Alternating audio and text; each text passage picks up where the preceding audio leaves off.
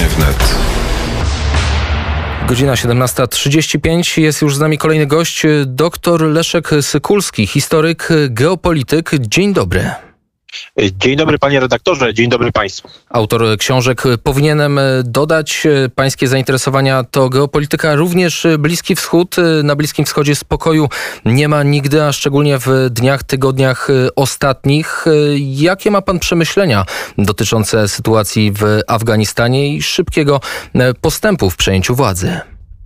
I jeśli chodzi o sytuację w Afganistanie, myślę, że potwierdza się stara maksyma historyków, że Afganistan to cmentarzysko imperiów. W Afganistanie można powiedzieć y, przegrali Brytyjczycy.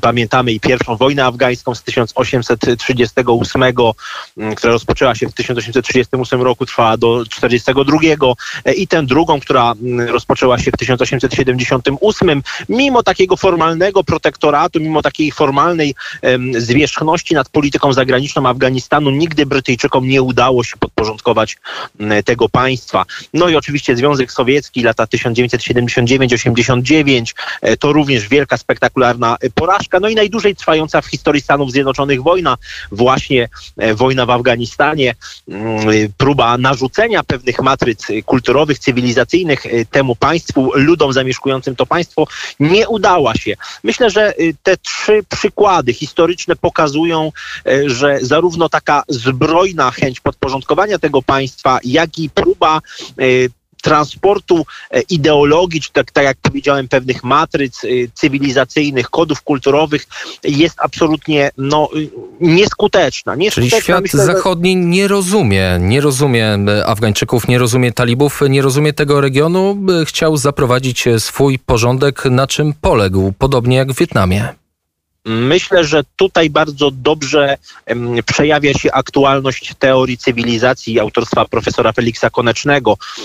Koneczny w 1935 roku w swojej książce o wielości cywilizacji bardzo celnie moim zdaniem podkreślił, że nie można być cywilizowanym na dwa sposoby. I dokładnie pokazali to Afgańczycy. Z, zewnątrz, y, można powiedzieć tak bardzo płytko, y, przyjęli y, oczywiście zwierzchność amerykańską, przyjęli pewne takie powiedzielibyśmy zewnętrzne atrybuty cy, cywilizacji zachodniej, oczywiście utożsamianej obecnie z tym, co nazywamy demokracją liberalną i tym, co funkcjonuje na terenie Unii Europejskiej i w, w Stanach Zjednoczonych. Natomiast tak naprawdę pozostali bardzo głęboko lojalni wobec swoich tradycji, wobec swojej cywilizacji, wobec cywilizacji islamu, wobec talibów także, którzy przecież nie przypuszczali żadnej wielkiej ofensywy, po prostu e, przejmowali kolejne prowincje, nie walcząc w jakichś wielkich bitwach, tutaj nie było żadnej wielkiej ofensywy. E, to pokazuje, że ta, to, ślepa wiara w koniec historii, w ten fukuyamowski koniec historii, w to, że można narzucić innym państwom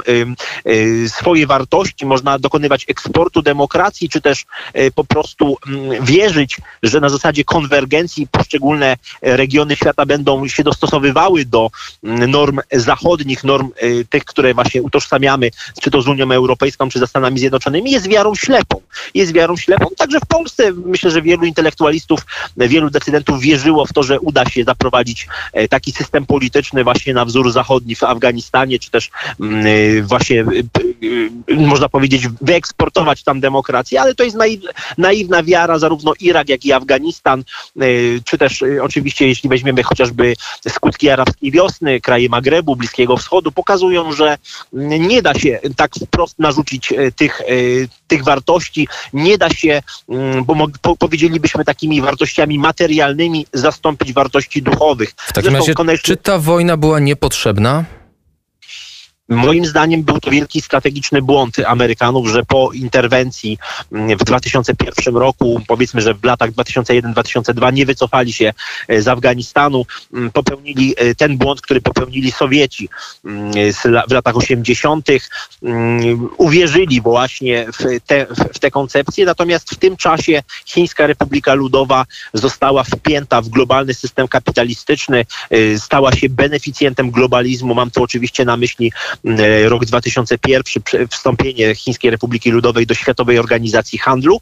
W tym momencie Chińczycy zaczęli realizować, no już można powiedzieć, z pełnym rozmachem testament polityczny Deng Xiaopinga i prześcignęli w sensie oczywiście parytetu siły nabywczej, jeśli chodzi o PKB Stany Zjednoczone. Dzisiaj są potężnym konkurentem Stanów Zjednoczonych i wydaje się, że mm, to jest jeden z, jednym z, można powiedzieć, jedną z przyczyn takiego stanu rzeczy jest właśnie mówiąc takim potocznym językiem, Stanów Zjednoczonych w tych konfliktach, zarówno na Bliskim Wschodzie, jak i w Azji Środkowej. Wróćmy jeszcze na chwilę w takim razie do e, Afganistanu, ale dobrze, że wymienił pan e, Rosję e, i Chiny.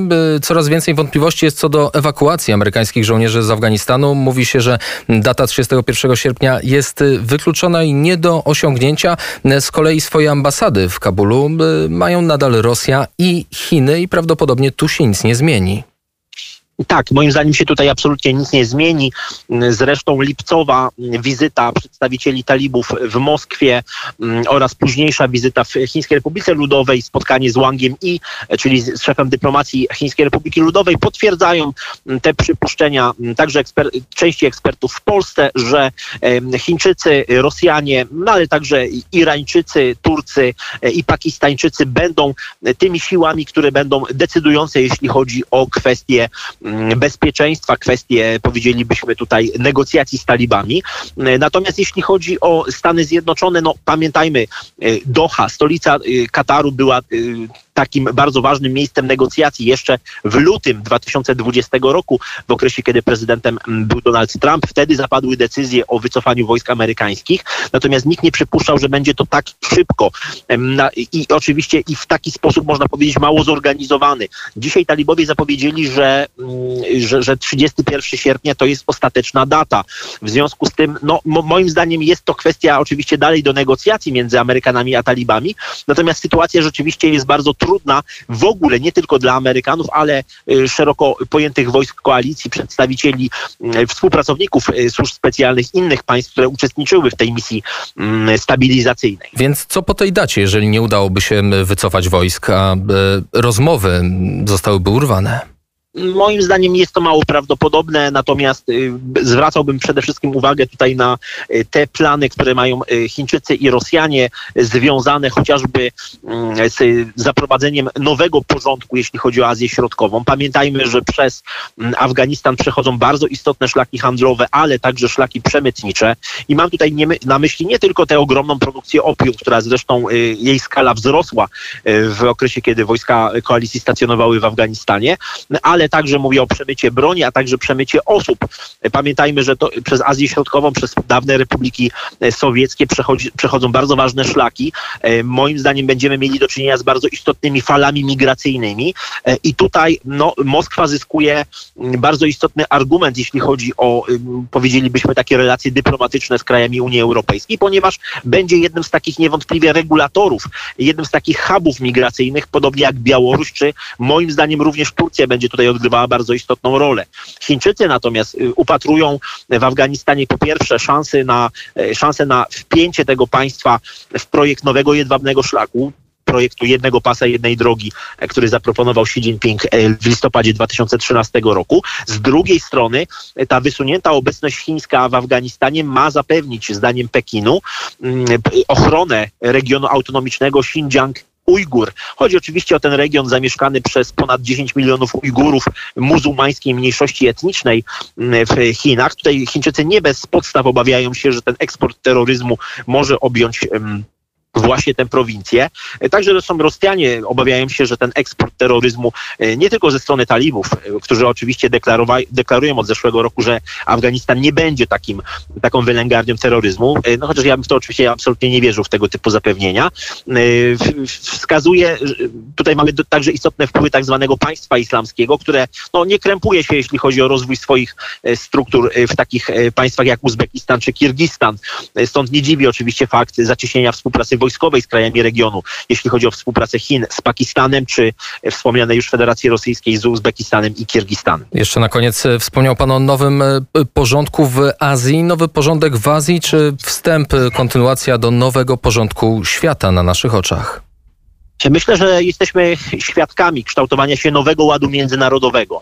Czy też, ja bym jeszcze bardziej sprecyzował, jesteśmy świadkami kształtowania się nowej architektury bezpieczeństwa międzynarodowego i mówiąc w takim olbrzymim skrócie, e, mamy do czynienia z kształtowaniem się świata policentrycznego, czyli takiego świata, y, gdzie będą, będzie wzrastała rola mocarstw regionalnych, będzie się tworzył, właściwie na naszych oczach już tworzy się nowy koncept mocarstw. W takim razie będziemy to obserwować e, również razem z doktorem Leszkiem Sykulskim, historykiem, geopolitykiem, autorem książek opracowań. Dziękuję serdecznie za rozmowę i mam nadzieję do usłyszenia w jak najbliższym czasie. Dziękuję panie redaktorze, dziękuję państwu. Jest godzina 17.45. Za chwilę pozostajemy w temacie Afganistanu, Bliskiego Wschodu. Za chwilę rozmowa z doktorem Bogdanem Pliszką, politologiem, ale także ekspertem do spraw terroryzmu. Ale najpierw e, utwór NK Elefante.